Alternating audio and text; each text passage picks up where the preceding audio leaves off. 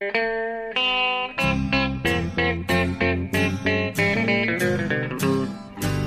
out there, we're on the air. It's hockey night tonight. Tension grows, the whistle blows, and the puck goes down the ice. The goalie jumps and the players bump, and the fans all go insane. Someone roars, Bobby scores at the good old hockey game. Oh, the good old hockey game is the best game you can name. And the best game you can name is the good old hockey Hallå, hallå, hallå, hallå, ja, hallå, hallå, hallå, hallå, hej. Hej! Ja, hallå, hallå på Kalinkavis där från Jonathan Ondskan Ekeliv i Örby inleder NHL-podden på det oerhört udda sättet. Och Hallå, det, hallå. Kommer att få, det kommer att få sin förklaring snart, men eh, först ska vi bara ja, hälsa välkomna då till NHL. Jag har varit så tagen där så att jag... jag Du fick nästan en hostattack där för. Ja, eh, men det här är alltså NHL-podcasten med Jo- Jonathan Ekeliv i Örby och mig Per Bjurman i New York. Eh, Och det är vårt 289 avsnitt. Mm. Och som sagt, vi kommer in på varför, varför eh, Jonathan drog sin klassiska hallåramsa i Kalinka-version. Ja, precis. Det var en liten udda förklaring, men det kommer visa sig. Ja, eh, men vi börjar med en liten uppdatering vad som har hänt sen senaste veckan. Eh, vi kan väl avslöja så mycket som att Jonathan Ekeliv har fått besök äntligen i Sverige och nu har publik eh, hemma i, i Örby. Ja, precis. Exakt, det är lite annorlunda för jag sitter inte helt ensam här hemma i Örby och spelar in utan nu har jag faktiskt eh, min norska flickvän här faktiskt. Ja, Eh, Hon sitter i bakgrunden här och, och följer podden live så att säga. Så det är en riktig VIP-biljett här till, eh, till podden. Så det är lite, eh, ja, vi får se hur det kommer gå. Om jag blir distraherad av att titta eller om, eller om, eller om det bara förhöjer mig. Jag det hoppas är morsomt. Ja, det är, Det är morsomt det det. är morsomt. Det är så koselig att ha liksom sån eh, norsk liksom støtte. Så att det känns väldigt bara väldigt grejt. Så att, eh, Ja. ja, men vad härligt. Ni har inte kunnat ses sen i februari på grund av den norsk-svenska konflikten om, Ja. om Korea. precis, så att det är ju inte helt okontroversiellt för henne att komma hit heller. Det blir ju tio dagar i karantän och Ja. tillbaks liksom. För att det är ju som vi var- varit inne på flera gånger också. Som när vi har pratat om det här att Sverige är ju lite halvt om halvt Tjernobyl liksom. I Ja. många andra länders ögon. Så att, mm. ja, ja, men eh, kärleken övervinner allt. Ja, faktiskt. Så att, tre månader drygt fick räcka. Sen kunde vi inte hålla oss ifrån varandra längre. Så nu, Ja, ja. nu, nu sitter vi till och med i samma poddrum här. Jag tyckte det, det kändes bra att ha henne med här. Absolut. Hurra, hurra säger jag. Vad härligt att ni får, får ses. Ja. Eh, ja, och här, eh, här ses vi inte alls Nej, nej, precis. i New York. Jag, jag däremot har inte träffat jag har fortfarande inte träffat en människa jag känner sedan 12 mars. Ja, Eh, och du är ju en av de sista då som jag träffade. Ja, för det var väl runt Kanske nionde kanske. Nionde, tionde som jag stack. Ja, det, jag, nej. 12 mars var en lördag. Det var då det var... Nej, vänta nu. Jag får mig att det var den åttonde jag stack. Så var det ja. Eh, lördag den sjunde var ju sista gången jag såg någon. Just det. Ja, det är så länge sedan ja. ja. 12 mars var ju när, när ligan stängde ner. 7 mars var det den här matchen vi såg när Rangers förlorade mot Devils. Just det, du fick ju magkänsla i hissen där. Ja, det var, min, det var sista, sista... Mänskliga kontakten eller på att säga. Ja, det kan ha varit du som jag sa hej då åt. Ja, det är så hallå, hallå, hallå, och sen så. Ja, sen har jag träffat liksom med Dorman här och delivery-personal och så. Men jag har inte haft fysisk kontakt med någon jag känner sedan 7 mars. Det är ju ett straff. Det är faktiskt straff. Det är, det är stenhårt ju. Ja, det är det. Men det går ju åt, allt går åt rätt håll här i New York. Vi eh, började i måndags med fas 1 av the reopening of New York. Det har inte gjort så jättestor skillnad. Det är mest att det får börja med manufacturing eh, Eh, och fler butiker får öppet för curbside eh, försäljning och eh, byggarbetsplatser och sånt öppnar ju. Men det blir ändå lite mer liv och lite mer folk och eh, det är ju hoppfullt så tillvida att snart så är vi, vi de säger att de, måste, att de ska skynda på eh, nästa fas då barer och restauranger får börja ha uteserveringar och så. Ja, just det, just det, just det. Och det var väl så att som Cuomo konstaterar på Twitter, borgmästaren där, att de en hel dag utan ett enda konstaterat dödsfall i New York. Det var ju... Ja, vi har haft flera sådana nu. Ja. Det är ingen rör i New York. Vi hoppas det håller i sig att inte de här demonstrationerna, där de ju inte precis har hållit social distans, att det kommer en spike bland dem. Nej, Men eh, ja, det, det känns ju hoppfullt på så vis. Och, eh, det gör det ju även för NHL då, för de har ju nu också fasat sig vidare. Och, ja, de är inne i fas två, officiellt. Mm. ja. Ja, och börjar så smått eh, träna ihop igen. Även de som inte är svenskar. Precis, exakt. Utan eh, ja, till exempel apropå New York då så såg jag att Islanders var ute och körde i, igår. Men var hela laget? Nej, det var inte precis. De får ju bara vara grupper om sex på isen samtidigt. Så att jag vet att Ja, jag undrar om inte den här beryktade fjärdekedjan var ute. I alla fall Cal Clutterbuck, eller Klutterbucken som du brukar säga. Han var ute och snurrade ja. där då. Ja, några till där klassiska gamla Islanders-spelare som Josh Bailey och sådär var ute och, och körde också. Ja. Men det är ju hårt alltså. Det är ju, och det är så ska det vara naturligtvis eh, i dessa tider. Det är ansiktsmask hela tiden. Och det är sådana här sterila handskar ska de ha på sig också så länge eh, liksom i omklädningsrummet och alla ytor och sånt där. Och de termometer testas. Mm. Ja, det är, det är noga, rigoröst säkerhetssystem. Liksom. Ja, det är klart. Det måste det vara. Det får inte, det får inte brista någonstans nu. Nej, precis. Det måste liksom... Den här linjen måste hållas stenhårt. Ja, men det börjar bli dags för de som är i Europa som ska med och ta sig samman och försöka ta sig tillbaka hit. Och det ska bli spännande att se hur de löser det eftersom till exempel Sverige kommer man inte in i USA från hur som helst.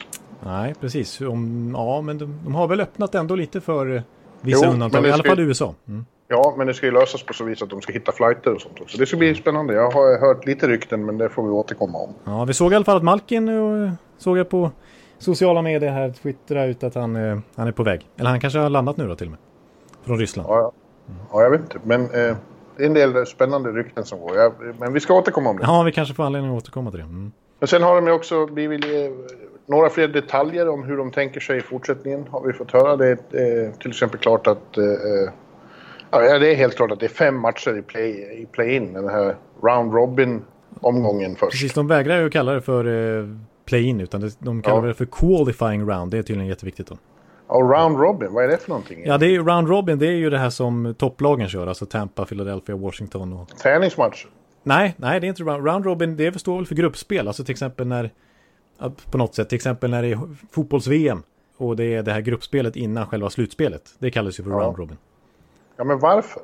ja, det, det, ja, det vet jag inte. Jag vet, jag vet inte vad round robin står för. Jag, tycker, ja, jag har ingen aning. Det bara heter så. Mm. Runde Robin. Runde Robin, ja det är väl det det står för. ja.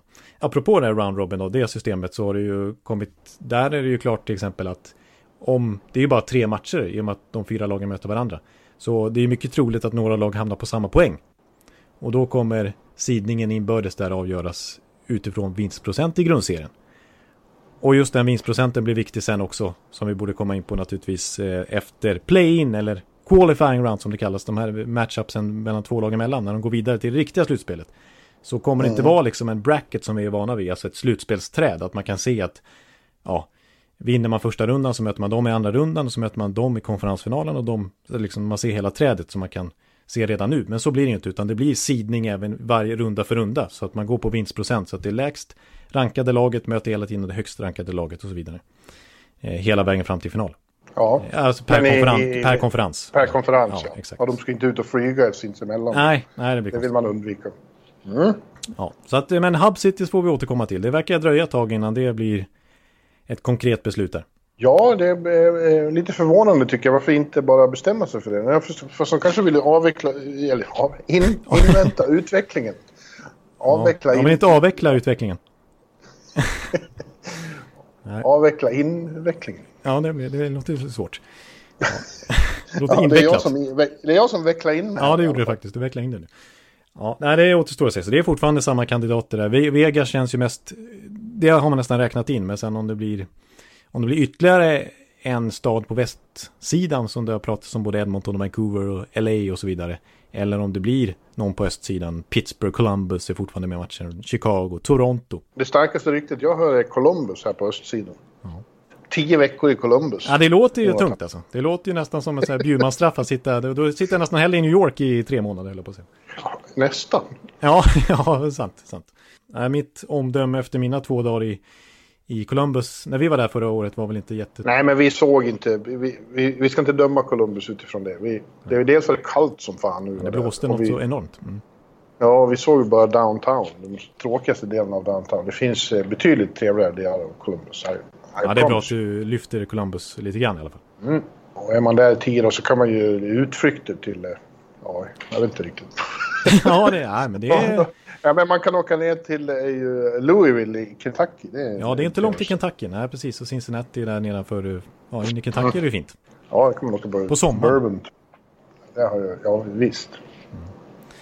Ja. Ja, eh, eh, vad har vi mer? Ja, men jag tänkte säga en grej. Det här är ju för sig inte så viktigt för nu har det ju liksom eh, Eh, jag höll på att säga utveckla, inveckla igen här. Hur ska jag kalla det här? Det har, det har löst sig helt enkelt. Det var lite debatt tidigare i veckan vet jag om Rangers, alltså hur man ska göra med att eh, liksom kalla, kalla det här för en neutral plan eller om man ena laget per definition blir hemmalag i matcher och andra blir bortalag och sådär. Och det har Rangers brytt sig mycket om för att de har ju ett avtal med Madison Square Garden med New York som stad.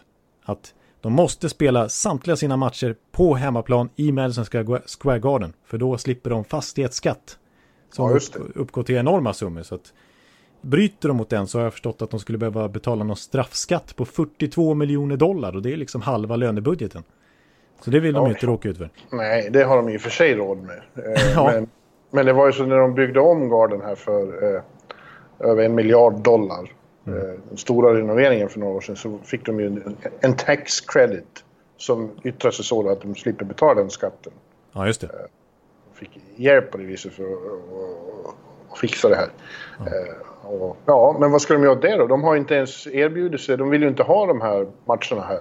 Nej, men det... det för, ja, Skulle de då räknas ändå som hemmamatcher? Nej, det är det som är den där definitionsfrågan då, vad som ska gälla liksom. Och Rangers har ju ja, men varför skulle, varför skulle New York City gå med på det? Staden, varför skulle de gå med på att, att eh, det är hemmamatcher i Columbus? Ja, nej, men det som... Eh, det, då har det visat sig att i det här avtalet som skrevs så fanns det en sån här force majeure. Ja, okej. Okay. Alltså, och då var det inskrivet så här, alltså att om det blir en pandemi, om det blir en jordbävning, om det blir en act of God, då kan de ja. göra, så till exempel om Jesus skulle kliva ner på jorden och vilja ha eh, andakt i Madison Square Garden samma kväll som Rangers spelar, då har Rangers rätt att spela hemma, hemmamatch i Columbus till exempel.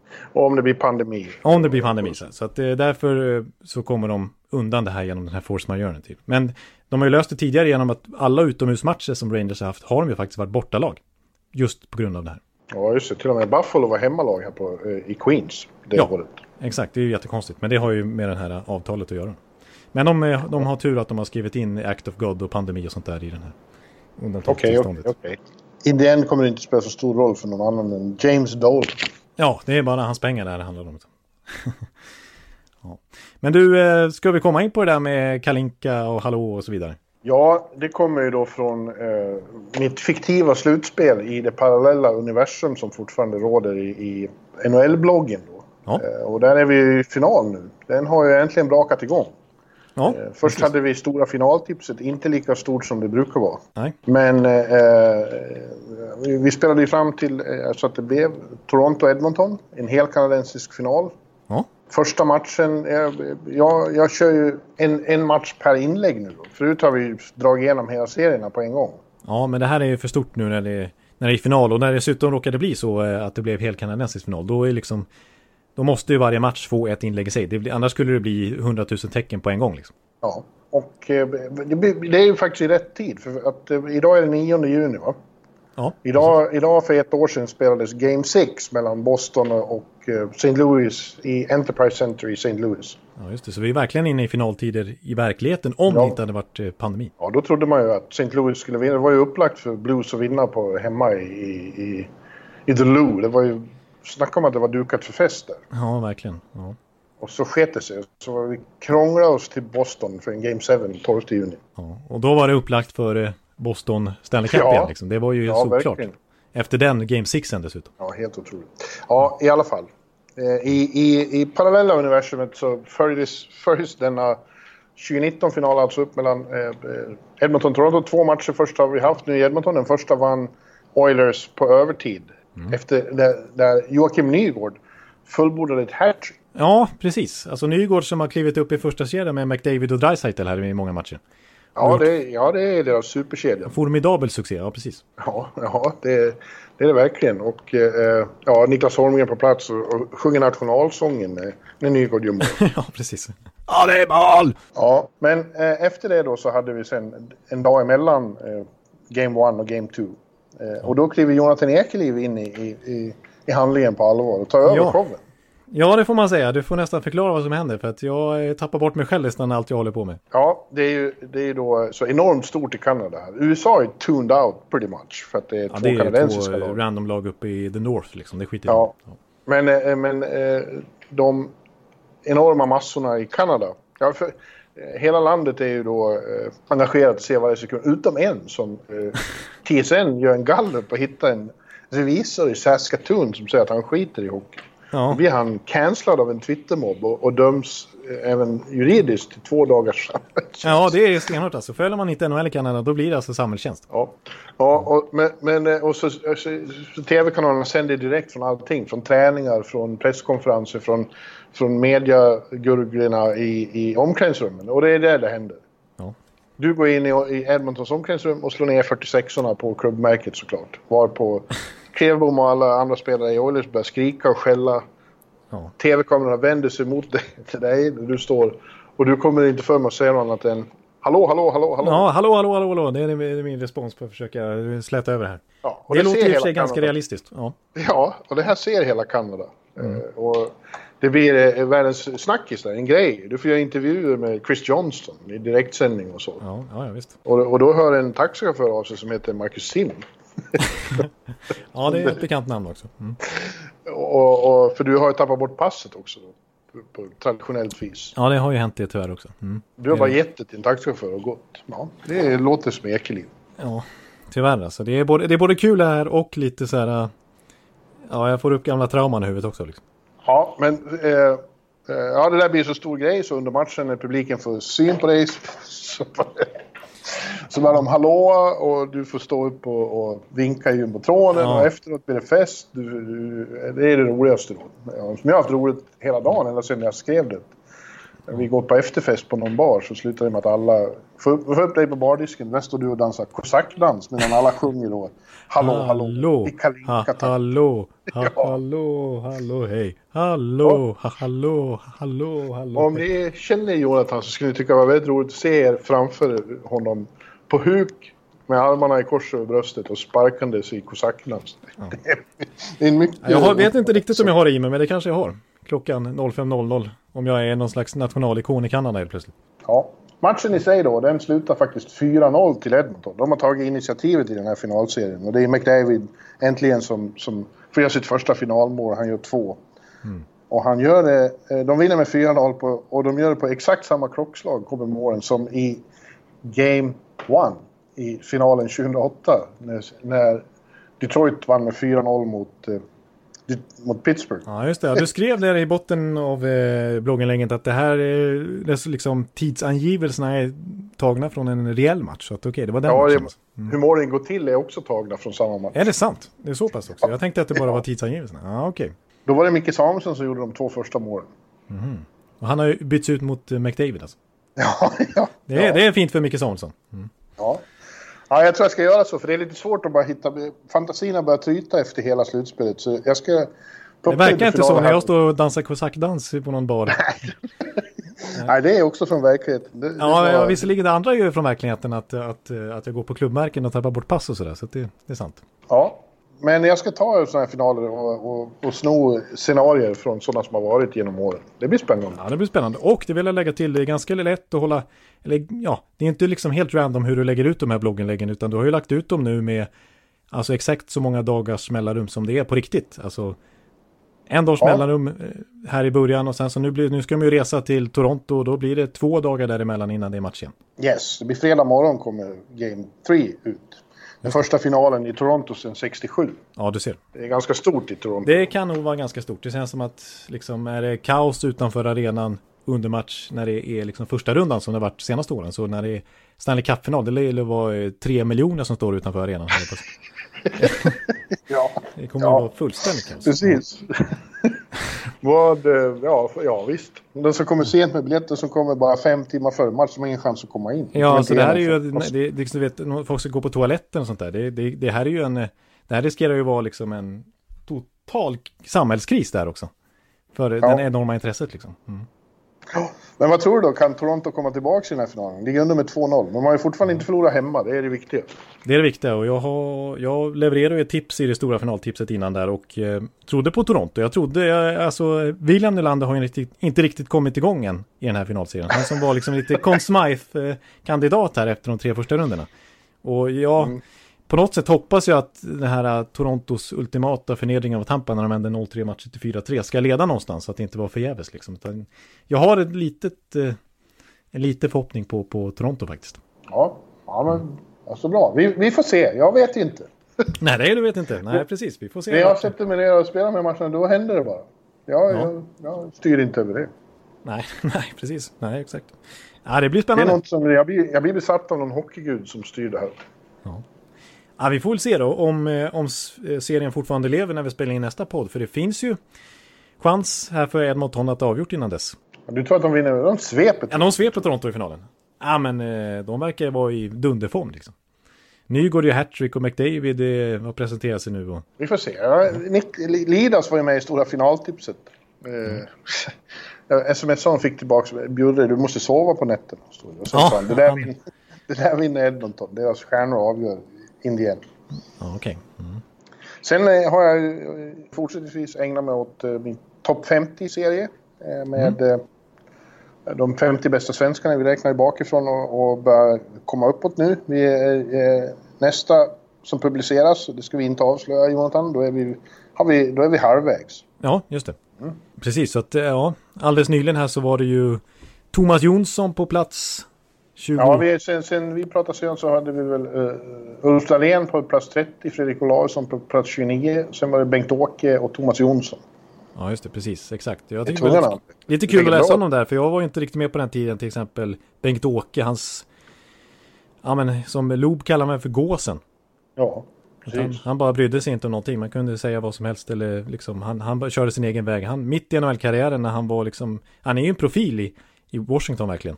Eh, så åkte han hem och spelade i Bofors liksom. Ja, och sen åkte han tillbaka och spelade i, i Washington. Ja, ja. Mm. ja, det var mycket underligt. Men han ville bara det. Ja, han körde sin egen grej. Ja. Jag känner honom ju mer som förbundskapten än Bengt-Åke. Liksom. Precis, men han var ju egen då också, eller envis. Liksom. Ja, lite egna val, men han var ju och ibland väldigt kritiserad, men man svårt att ta ifrån honom att han vann OS 2006 och VM samma vår sen. Ja, den enda, enda kapten som har gjort det. Ja, Eller han... den enda förbundskapten som har vunnit OS och VM samma år. Ja, så det är ingen dålig eh, tränarkarriär och ingen dålig spelarkarriär dessförinnan som du utgår från i den här listan. Nej. Hittills har det inte varit så mycket debatt om vem som har hamnat var och från 25 och neråt så är det inte så liksom, eh, givande och tagande. nej, precis. Utan det är ju nu, det, nu kommer, kommer det är nu det... mejlen kommer komma, vet du Bjurman. Ja, nu tror jag det kommer att bli hett här framöver. Ja. Så nu, eh, ja, det kan bli en spännande tid här. Inte bara i det parallella universumet, utan nu på riktigt vet så kan det hända grejer i, i mejlkorgen tror jag. Ja, det här är ju, det här är ju verkligen ett riktigt uh, universum. Ja, ja, precis, exakt. Ja, men uh, du, uh, jag tänkte att vi skulle komma in lite grann på. Vi har två lite så här, vi har ju bett om förslag på ämnen och sånt där. Det vet ni om, ni som mm. lyssnar mycket och, och, vad ska vi prata om eftersom det inte händer så mycket i, i den riktiga hockeyvärlden trots allt än. Låt mig bara skjuta in en sak. Jag har fått ett par mail här senaste dagarna. Även om det inte blir någon NHL, Awards gala då. Så ja, det kan vi säga. Mm. Blir, så ska ändå individuella priserna delas ut och eh, jag har alla röstsedlar här. Eh, Mm. De nominerade för Masterton, är, den går lite utanför allting. Och den eh, ska vi... Eh, ja, det är ni som röstar i den? Ja, jag röstar även... Den röstar ju varje chapter då, eh, fram en, en kandidat per lag. Ja, så är det eh, mm. Och tre svenskar har ju blivit nominerade nu då. Det är förstås Oskar Lindblom. Mm. Eh, men även Henke och Jakob Markström. Ja, precis. Och jag skulle tro att Oskar ligger väldigt bra till för att vinna den efter det han har råkat ut för. Ja, det kommer väldigt positiva rapporter. Hur han det. Ja, alltid varit, kommer med ett leende in i omklädningsrummet och hälsar på spelarna och verkligen ja, men, spridig optimism. Liksom. Trots den, ja. den extremt svåra situationen han har hamnat i. Och nu verkar han vara på väg tillbaka. Det kommer väldigt positiva besked kring hans rehabilitering. Och, ja. Eh, men jag tycker det är, många, det är många starka alternativ här tycker jag faktiskt. Det är ju... Ja, det är faktiskt det. Alltså Bobby Ryan till exempel som ju eh, genomgick ja. den här alkohol, liksom behandlingen mot hans missbruk och, och kommer tillbaks starkt. Ja, och Markan som, som eh, var med om den enorma förlusten av sin far då, och har spelat så fantastiskt bra. Ja. Gjort sin eh, mest enorma säsong eh, mitt i den tragedin. Henke handlade ju om att han förlorade liksom sin position som första målis och ändå har skött det här som... Eh, jag, jag sitter här med motiveringarna också. Ja, det är motivering på alla förstås ja. Mm. Baba Bada sa, it was not a season befitting a goalie nicknamed the king. But Lundqvist was not known as king merely for his Hall of Fame performances. Playing in the NHL's largest market and leading one of its original six franchises, Lundqvist also always carries himself with a professionalism that bordered on regality. Oh, oj, oj, oj. Så pass. Ja, det är stora ord. Ja, men det, det får man verkligen, det ska han ju ha beröm för tycker jag Henke, hur han har hanterat den här situationen och liksom inte, det har inte varit några hårda utspel med. Han har varit ärlig och sagt vad han tycker, men han har alltid haft respekt och liksom förstått situationen och businessen. Liksom. Ja, vad står det med här? And that did not change during a season that seemed to signal his transition out of the franchise uh, player goalie role. Many veterans in his position would have demanded a trade or balked at the backing up emerging heir apparent Igor Shesterkin. Instead, Lundqvist dutifully did right by Shesterkin and the Rangers and steadfastly avoided causing a stir publicly or behind the scenes. Oj, ja. Ja, ja absolut.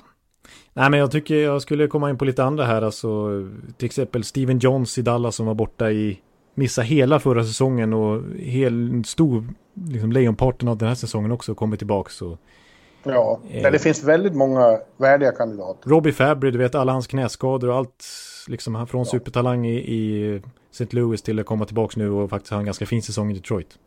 Bowmister. Bowmister, ja precis, med, med hjärtstoppet. Och Mark Letestu med hjärtmuskelinflammation. Han missade ju nästan hela säsongen, men skulle ha kommit tillbaka nu om det inte varit för coronakrisen då.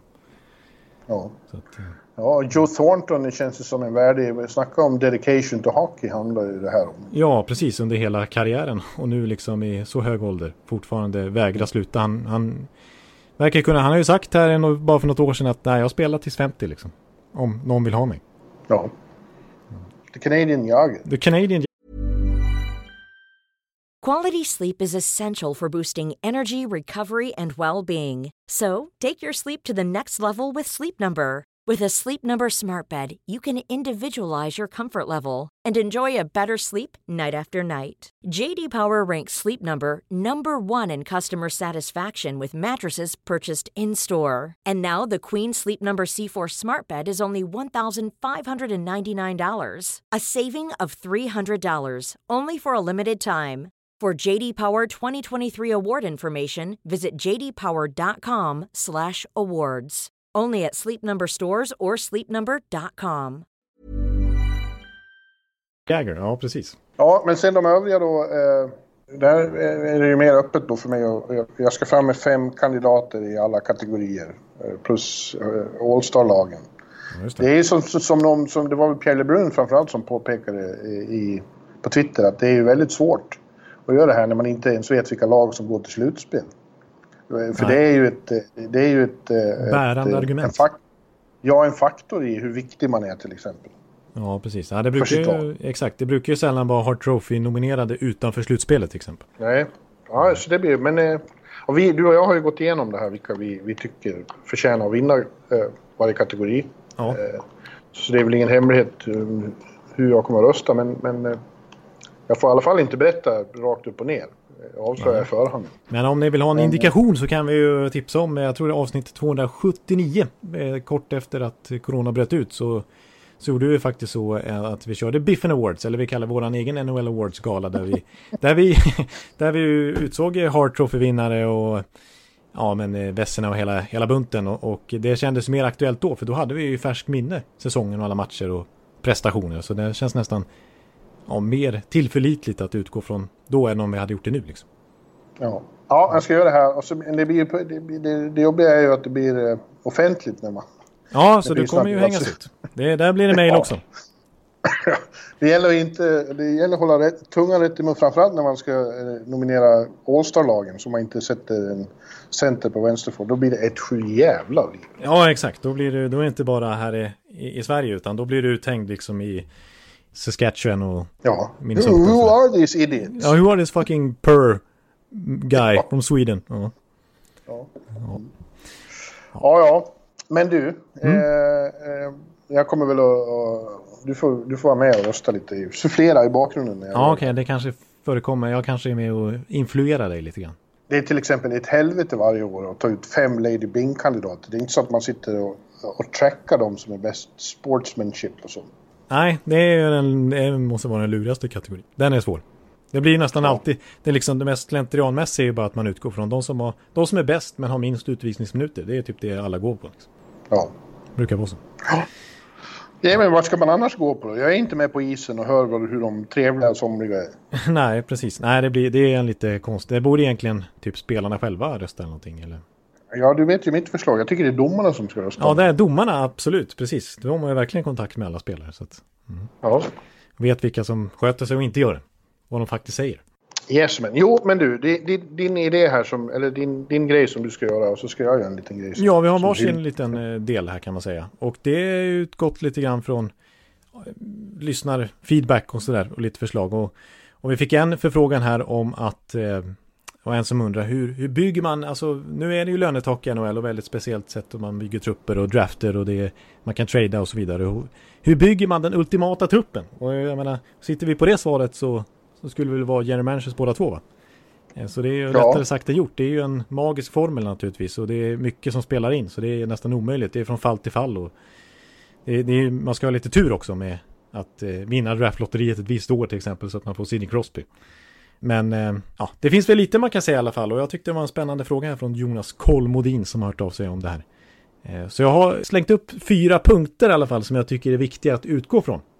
Eh, lyckas man Mm. pricka av alla de här fyra, då har man nog goda förutsättningar. Får jag gå och hämta kaffe när du börjar nu? ja, det kan du väl göra. En klassiker. Ja. Ja, men det, det allra viktigaste då, skulle jag säga, som är grunden. Det är, det är mycket som är viktigt. Man måste, man måste liksom, alltså vi- vinner man draftlotteriet och får Crosby eller får McDavid eller vad som helst så är det oerhört viktigt. Men generellt sett, att drafta bra överlag, det är det allra viktigaste. Att dels för att få spetsen, men kanske inte minst bredden också. För att de här utfyllnadsspelare i varje lag som inte har fått kosta så mycket. Där gäller det att ha verkligen kvalitet på de spelarna. Och topplagen, de är, är Verkligen. Nu är jag tillbaka. Nu är du tillbaks. Och understryker allvaret i dem. Mm. Ja, Nej, precis. Det, det är otroligt viktigt att hitta bredd genom att drafta bra själv. Liksom. Nästan alla topplag fungerar ju så. Eh, och tar man några mästarlag liksom som har lyckats fylla på hela tiden underifrån med både spets och bredd genom draften så tar vi till exempel Chicago. Jag menar det viktigaste, är ju- det är ju jätteviktigt att ha en, en stabil kärna men att kunna omge den med nya spelare hela tiden. När, för blir de för bra breddspelarna då, då har man inte råd med dem längre, då försvinner de. Men då gäller det att fylla på igen med liksom en billigare alternativ som man har draftat själv till exempel. Så tar vi Chicago under deras dynasti. Så liksom det börjar ju med att de själva hade ju Bufflin och de hade Troy Brower och de hade Christopher Stig och några Andrew Ladd. Ja, Andrew Ladd, precis. Han kom ju från Carolina där visserligen, men ändå, han var en, det var en bra breddspelare liksom.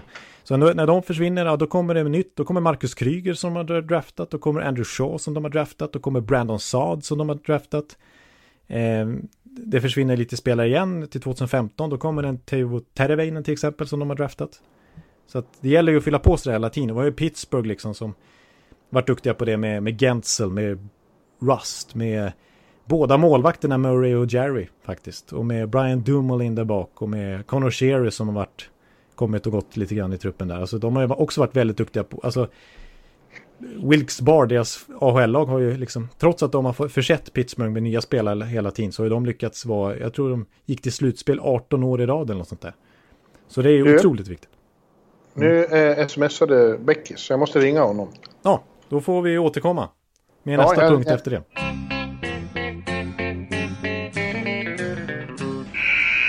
Ja, nu är vi tillbaka igen och eh, jag fortsätter min, eh, med min lista.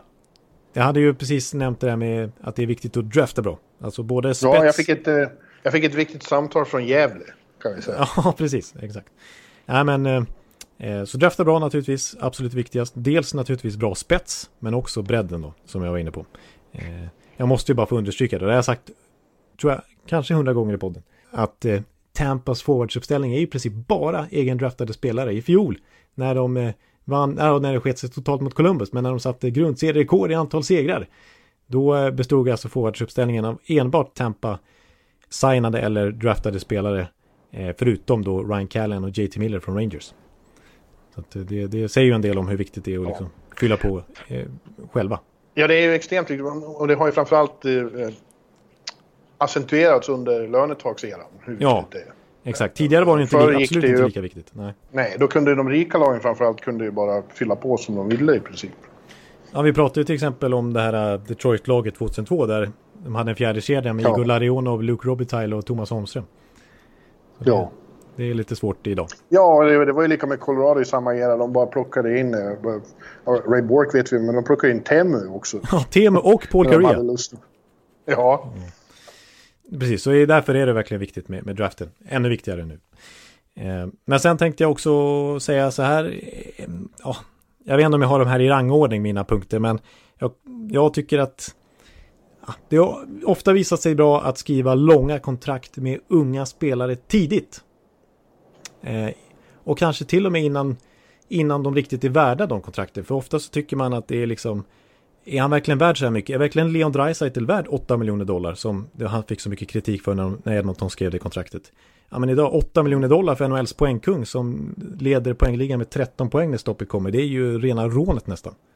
Eh, vi har ju massa svenskar som har skrivit på eh, liksom feta, långa kontraktsförlängningar direkt efter rookie-kontraktet som respektive klubbar tjänar, tjänar jättemycket på. Till exempel John Klingberg Drygt 4 ja, miljoner dollar. Beckis, Beckis, verkligen. Vi hade Erik Karlsson innan det här enorma kontraktet han skrev nu. Men jag menar, hela sin prime, fram till 30 år som han fyllt nu, så har han ju varit, han bara tjänar 6 miljoner dollar per säsong, vilket är, det är mycket pengar naturligtvis. Men med NHL-mått mätt så är det ju inte alls motsvarar ju hans kvalitet och vad han har bidragit med. Eh, John, John Tavares kontrakt innan han kom till Toronto nu. Vi har gällande kontrakt som till exempel Nathan McKinnon. Eh, när han skrev det kontraktet så hade han inte riktigt slagit igenom igen än utan det var fortfarande lite så här när ska det genombrottet komma och så får han drygt 6 miljoner dollar i, i lön och det kändes typ rimligt då. Alltså han kanske kommer leva upp det, till det kontraktet om två, tre år. Men jag menar nu, nu skulle han vara värd 12 miljoner typ. Om han skulle vara free agent mm. liksom. Så det är dubbelt så mycket. Så att det är... Ja, men det, det, är väl, det är väl vissa klubbar som har tvekat just inför att man... Det är en liten chansning. Det finns ju sådana som eh, hade man skrivit sånt jättekontrakt med Jakobov på en gång så hade det ja, inte blivit så bra. Exakt, det finns, något, det finns några dåliga exempel men väldigt få ändå skulle jag säga. Det, ett var ju till exempel med Cody Hodgson som man knappt kommer ihåg. Jag tror många har glömt bort den idag men han fick ju Buffalo köpa ut när han bara var typ 25-26 år. Ja. Eh, men det finns otroligt många positiva exempel. Vi har det, jag kan fortsätta hur länge som helst med Ja men absolut, men det, det, finns ju, det det finns vad gäller långa kontrakt så är det ju betydligt fler exempel på man har skrivit med för gamla spelare, ja. långa kontrakt. Det är ju en, en, annan punkt som jag har då, som är nästa punkt. Att, att lägg inte de där tung, stora pengarna på 30-åringar som blir UFAs. Alltså där finns det ju lika många exempel på, som du säger, på, på, som inte alls har blivit bra. Med David Backes, med Andrew Ladd som vi nämnde tidigare då, när, när han skulle belönas då efter flera fina år liksom. Eh, ja. Med, med, eh, ja, med Milan Lucic nu och ja, what not. Liksom. Det, finns ju, det, kan... det kan ju ligga något vackert i det rent ideologiskt. Att, att man tycker att somliga förtjänar en payday. Eh, mm. Efter långa karriärer. Men det, eh, det, går ju inte när med ett lönetak riktigt att resonera så. Nej, precis. Och det är faktiskt så jag formulerar den här punkten. Jag skrev betala inte retroaktivt. Nej. Och speciellt inte på långa, skriv inte långa kontrakt med veteraner. Alltså bara Los Angeles Kings, hur de har snöra, krånglat in sig i en hopplös lönesituation. Som de nästan håller på att knyta sig loss ifrån nu. Men de har ju haft, eh, alltså så här, men Dion Phaneuf, Marian Gaborik och allt som de har fått krångla iväg. Alltså, ja. Eh, och det finns några till där som fortfarande har långa kontrakt. Ja. Eh, sen har jag också en punkt som en specifik position som man inte ska lägga för mycket pengar på. Det här tror jag inte min eh, rumskamrat jag höll på att säga, min, min tjej håller med om för att hon gillar målakter och eh, jag Ja, jag skulle nog säga att det är, man ska inte lägga för mycket på, på målvakt. Alltså det är klart det är jätteviktigt att ha en bra keeper eller ett bra målvaktspar om man ska vinna Stanley Cup och gå långt. Det, det är ju A och O. Eh, det är ju sedan gammalt. Men ja, det finns ju... Det är eh, jag tycker det där går i cykler hur, hur högt man värderar en, en supermålis. Det var ju några år när man tyckte att det bevisades att man inte behövde det allra bästa målisen. Att, eh, när Osgood vann eh, sista gången med, med Detroit var han ju inte superbra och sen var ju Antiniemi var väl inte superbra 2010 heller. Nej, den finalen mot Michael Layton liksom. En typ tredje keeper i, i Philadelphia höll jag på att säga. Ja, men andra gånger har det vad man väl kan säga är det här, men man får inte ha för dålig målvakt. Man måste, Nej, man kan ju sänkas av för dåligt målvaktsspel också. Mm. Ja, och sen är det ju fortfarande en sanning att om en målvakt blir riktigt, riktigt het, mm. Tim Thomas het, mm. eh, så kan de ju vinna mästerskap åt det. Ja, precis som eh, Patrick Rowe onekligen gjorde några gånger. Eh, och Jonathan Quick i modern tid också. Alltså, det finns ju många, många, massor med exempel på det också. Men jag menar bara att det är liksom, nyckeln är inte att hitta en bra målvakt och lägga massor med pengar på det. Det kommer förmodligen inte lösa sig. Så det är bara att kolla på otroligt bra. Den här erans, 2000-talets cap-erans bästa målvakter. Alltså, flera av dem har ju inte vunnit Stanley Cup. Alltså Henke Lundqvist, Carey Price, Roberto Luongo. Sådär. Eh, det räcker inte bara med en bra målvakt utan det är så mycket andra komponenter och då kan man då är det svajigt att göra som Florida Panthers och gå in 10 miljoner dollar på en dubbel Vesna Trophy-vinnare som Sergej Bobrovski. Det kan, ja, målvakter är ju, vissa är liksom, vet man är bra men, men det, är, det, är må, det är bara ett ytterst fåtal alltså. Annars kan det ju variera väldigt mycket i prestation på keeprarna. Från säsong till säsong. Mm. Ett exempel på det, till exempel du vet Craig Anderson liksom. Ena säsongen ja. Kanonbra. Ja, Andra säsongen jättedålig. Nästa säsong kanonbra. Han var ju verkligen varannat år ett tag. Så. Ja, det är en av styrkorna vi har pratat med Henrik Lundqvist är att under hela sin storhetstid så var han ju lika bra hela tiden. Ja, precis. Han, var ju, han visste man ju vad, vad man fick av. Liksom. Och han höll ju på att bära Rangers faktiskt hela vägen till en Stanley Cup. Ja. Han ledde dem till eh, President's Trophy och sådär. Men ja, så att det, menar, det är inte säkert att den första center som Jack Eichel eller Conor McDavid leder en till en cup heller. Så att men jag menar, man ska inte, det är liksom, det, här, det är bra med, viktigt med bra målvaktsspel, men lägg inte alla resurser där alltså. Det, det, det räcker inte. Ja, så det blev, det blev fyra punkter helt enkelt. Det finns massa mer att ta hänsyn till, men jag, jag konstaterade, ja. drafta bra. Du, så fort man börjar tänka på det här så inser man ju vilket svårt pussel det är. Eh, ja. Och jag tycker det där som din första punkt, den kanske svåraste ändå. Ja. Eh, att hitta rätt komplement och, och rollspelare och fjärde kedja gnuggare. Eh, för mm. Nästan alla mästarlag jag har sett har ju haft otroligt bra förspänn på just den punkten. Mm. Vi ser bara senaste mästaren. Liksom, St. Louis. Sunken och... Ja. Mm. Fjärde serien kunde spela lika mycket som första serien. Eh, bokstavligt ja. talat. Mm.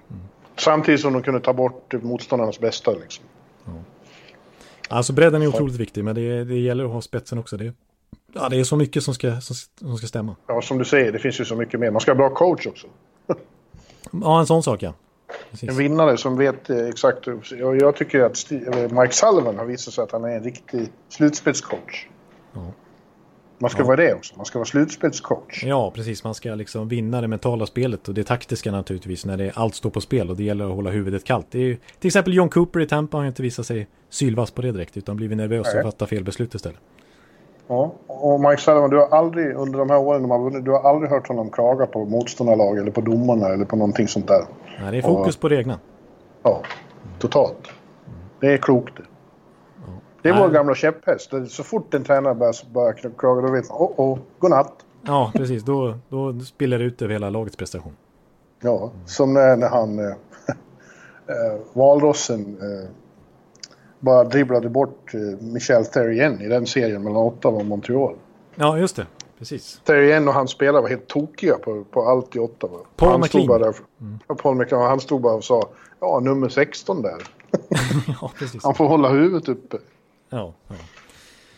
Nej, men jag, jag tar ja. med, vi, vi, jag bara nämner snabbt, så som sagt, det är nummer ett, det är att drafta bra och, och både bredd och spets och sen så som sagt då, skriv, helst skriv långa kontrakt med unga spelare tidigt.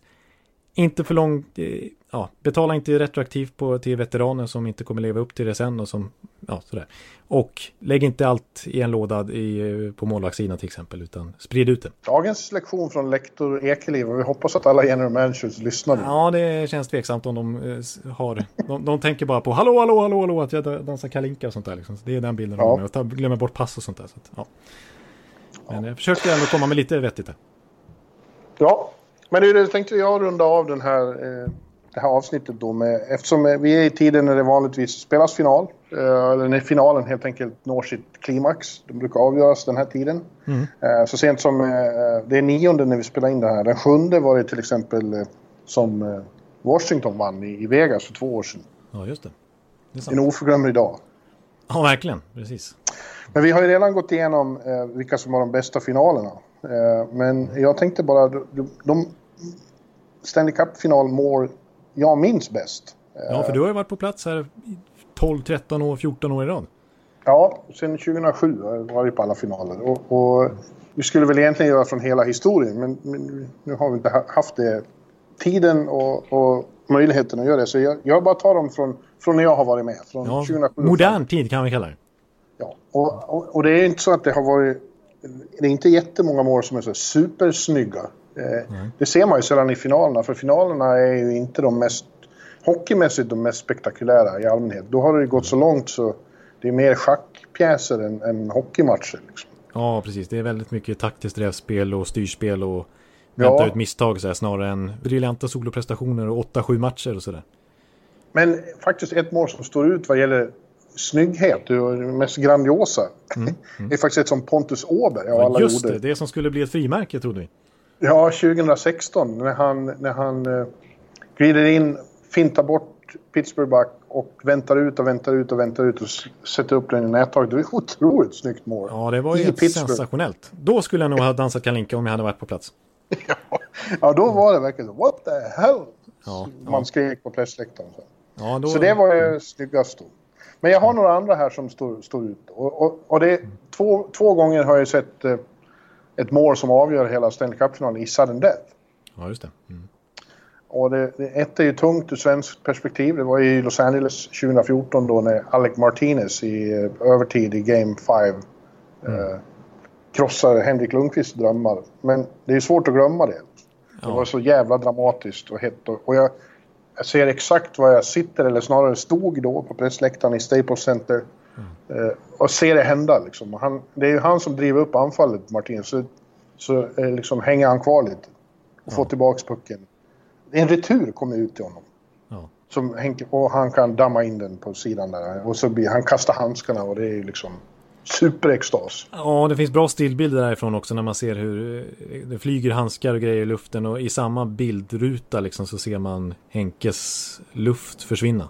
Liksom. Ja. Ja, man ser det där när han, just när han kastar handskarna, han gör det med liksom, han skakar på händerna. Den där glädjen som uppstår då, den måste vara helt overklig. Ja, ja. det går inte att återskapa riktigt, utan man måste nästan uppleva det för att bli så, för att det ska spritta så mycket i kroppen. Mm. Ja.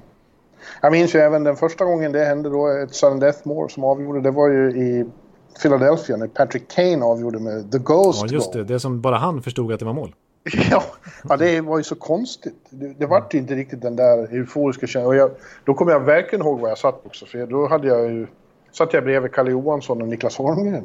Ja, eh, jag hade fått komma upp på, på, i, hos tv-kommentatorer och satt med hörlurar på mig och lyssnade på instruktioner från Stockholm till Holmgren. Och, och ha Holmgren i hörlurar när han skriker, det kan jag ta om för det är något extra. Ja, då får man nästan, om det går att dra ner volymen på något vis liksom, så att inte så man behåller sina eh, hammare och allt vad som finns inne i örat. Ja, men då, då, trodde vi också att det, det, det vart ju förlängning. Om man tänkte att vi kommer förmodligen att få åka tillbaka till Chicago och se en Game 7. Ja. Uh, och så, men så gör han det där målet som ingen ser, liksom, annat än han själv. Ja, det är ju från liksom ingen vinkel alls. Eh, den letas in. Man ser, det är inte ens en målsituation riktigt. Nej, och, och det blir liksom... Hans lagkamrater tvekar innan. De vet inte, vad, vad har vi vunnit? Har vi avgjort? Otroligt underlig situation. Och det har ju bara blivit större och större mysterium eftersom pucken försvann sen också. Ja, just det. Var det, det är ingen som vet vad den pucken är. Nej. Det har skrivits långa featureartiklar om, om vad den där pucken, om det var domaren som snodde den eller, eller, eller Brian, vad heter han? Boucher. Ja, just det. Ja. Så att det, det målet minns man ju... Fast man inte såg att det blev mål så minns man det väldigt starkt. Ja, ja precis. Och just de här sekunderna efter att det är mål. För att det är tyst i arenan. Inte en Chicago-spelarna jublar först. Utan det är liksom som att alla står stilla ungefär. Och så är det en person i hela arenan som rör på sig. Som har, som mm. har lite smått eufori liksom. Ja. Som, och, men själv på något vis tvekar lite grann också för att ingen annan reagerar ju. Ja, ett annat som ju så, såklart, eller kanske inte såklart, det är nog ingen annan än jag som minns det. Eh, alltså. Game 1 2007. Honda Center i Anaheim mellan eh, Ducks och Senators. Just det. Mm. Eh, så redan efter en dryg minut så åker Niedermayer ut för, för high sticking. Mm. Och rätt fort i det powerplay som följer så gör eh, Mike Fisher ett ganska fult mål. Okej. Eh, han drar iväg pucken, den studsar på något vis och går i en båge över Gigi. Ja. Giger i målet och, och liksom ramlar in. Och det var inte minnesvärt i sig, men för mig är det för det var det första finalmål jag såg live. Ah, Så okej. Just det. det. står ändå ut. Jag, jag kommer ihåg, jag satt då också i auxiliary pressboxen i Honda Center. Ja, ja. ja, det är inte något som jag kommer ihåg kan jag säga. Nej, det förstår jag. eh, troligen kommer du däremot ihåg 2008. Det var lite smärtsamt för oss som eh, eh, var där för att skriva om svenskar. Eh, I Game 5 mellan Detroit och eh, eh, Pittsburgh i, i Joe Louis Arena. Det har jag berättat om många gånger. Att det kan vara den mest otroliga hockeymatch jag varit på. Ja, just det. Det var ju då när du... Det var folk som svimmade och sådär och du Ja, fick precis. Det var ju så hett, det var så hett och dåligt med syre i The Joe. Och det var tre övertidsperioder. I mitten av tredje övertidsperioden. Alltså, vinner, vinner Detroit så vinner de Stanley Cup på hemmaplan. Vinner, vinner Pittsburgh så blir det en Game 6 i, i Pittsburgh. Och det är så jävla dramatiskt och så otroligt. Zetterberg, Henrik Zetterberg säger fortfarande att det, det i sig är den roligaste matchen att spela fast de inte vann då. Nej.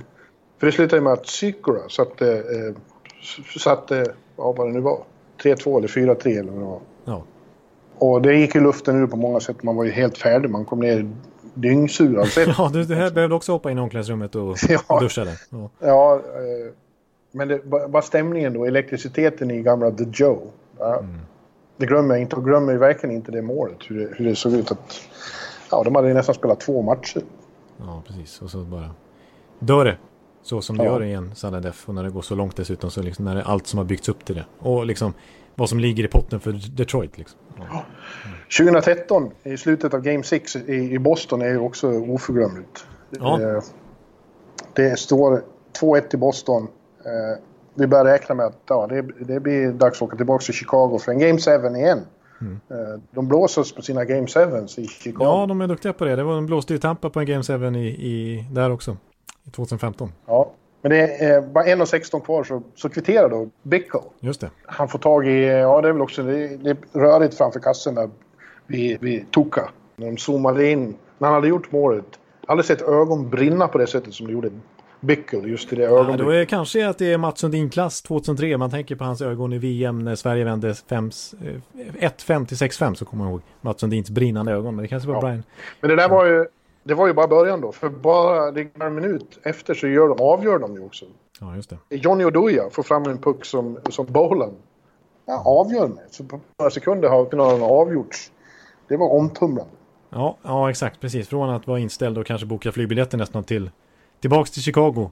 Till att Chicago plötsligt har avgjort den där matchen med bara någon minut kvar. Eller liksom i sista minuten kan man säga. Ja, de där två målen som kom så tätt följd i slutet där, det var ju heartbreaking för Boston såklart. Men det var, ja, det var oförglömligt att vara med om det också. Ja. Ja, slutligen då 2018 också i, i Las Vegas när Lars Eller, eh, dansken, Dansken. dyker upp och får tag i en puck som går igenom Flurry. Och han Ja, är ju bakom honom. Föser in den och då förstår man att nu har Washington vunnit sin första Stanley Cup. Det var ju också väldigt stort. Ja, precis. Ja, just det. Precis. Det, det, det kändes som att den här serien kanske kunde leva lite. Men och Fleury hade varit så otroligt bra i det slutspelet. Och liksom bättre än någonsin nästan. Och det kändes verkligen som att ja, han kunde vinna målvaktsmatchen mot Holtby. Men när han började vackla och släpper in sådana där mål. Då visste man att luften hade gått ur Vegas liksom äventyr. Ja, det var, Washington var predestinerade att vinna det slutspelet. När de hade slagit ut Pittsburgh då gick de inte att stoppa. Nej, det är sant. Det är sant. Ja, det är mina mål. Från Stanley Cup-finalen. Ja, Nu är det det, dags att låta dig återgå till kärleken. ja, precis. Det har jag inget emot så att säga. Men nu är det ändå eh, lite härligt att komma ihåg igen, återuppleva lite grann de här gamla. För jag kommer ihåg alla mål du nämner förutom Mike Fisher i 2007. Det har jag förträngt. Eh, Ja. men, eh, men annars var det bara coola minnen faktiskt. Yes sir. Ja, Vi, eh, vi, vi säger så för den här veckan. vi gör det. Eh, Får du ha det så, så bra eh, och hälsa så gott. Ja, och så, ja, vi återkommer nästa vecka. Nu har vi hittat på något roligt idéer mottas med glädje. Och då vet vi mer om den fiktiva finalen också. Oj, oj, oj. Ja, precis som sagt, det kan vara avgjort, men jag skulle inte tro det. Men vi får se. Vi ser om Edmonton även kan göra om samma bedrift i Toronto. Vi får se. Ja, spännande. Ja, men eh, tills dess så säger vi på återhörande allihopa och tack för att ni, ni lyssnar på oss även i dessa tider. Hallå, hallå! Hallå, ha, hallå, ha, hallå, hallå, hej då! Hallå, hallå, hallå. Hallå, hallå, hallå. Alex Chiazot, Joe Luis Arena och Esposito. Esposito. Uttalsproblem, men vi tjötar ändå. Och alla kan vara lugna, inspelningsknappen är på. Bjuder Hanna Kohl, han är grym i sin roll. Från Kållesoffan har han fullständig kontroll på det som händer och sker. Det blir ju allt fler som rattar in hans blogg. Och lyssna på hans podd. One, two, time, speed, so Hallå, hallå, hallå. One, two, time, speed, so Hallå, hallå, hallå. Ekeliv, som är ung och har driv. Verkar stor och stark och känns allmänt massiv. Han hejar på Tampa och älskar Hedman. Sjunger som Sinatra. Ja, och där ser man. Nu är det dags för refräng. Dags för magi, Victor Norén. Du är ett geni. Så stand up at home and remove your hats. Höj volym, för nu är det plats. One, two, time, speed, so Hallå, hallå, hallå. One, two, time, speed, so Hallå, hallå, hallå. One, two, time, speed, so Hallå, hallå, hallå. One, two, time, speed, so Hallå, hallå, hallå. Det är otroligt länge sedan båda samtidigt var så här bra. Hallå, hallå, hallå. Det är otroligt länge sedan båda samtidigt var så här bra.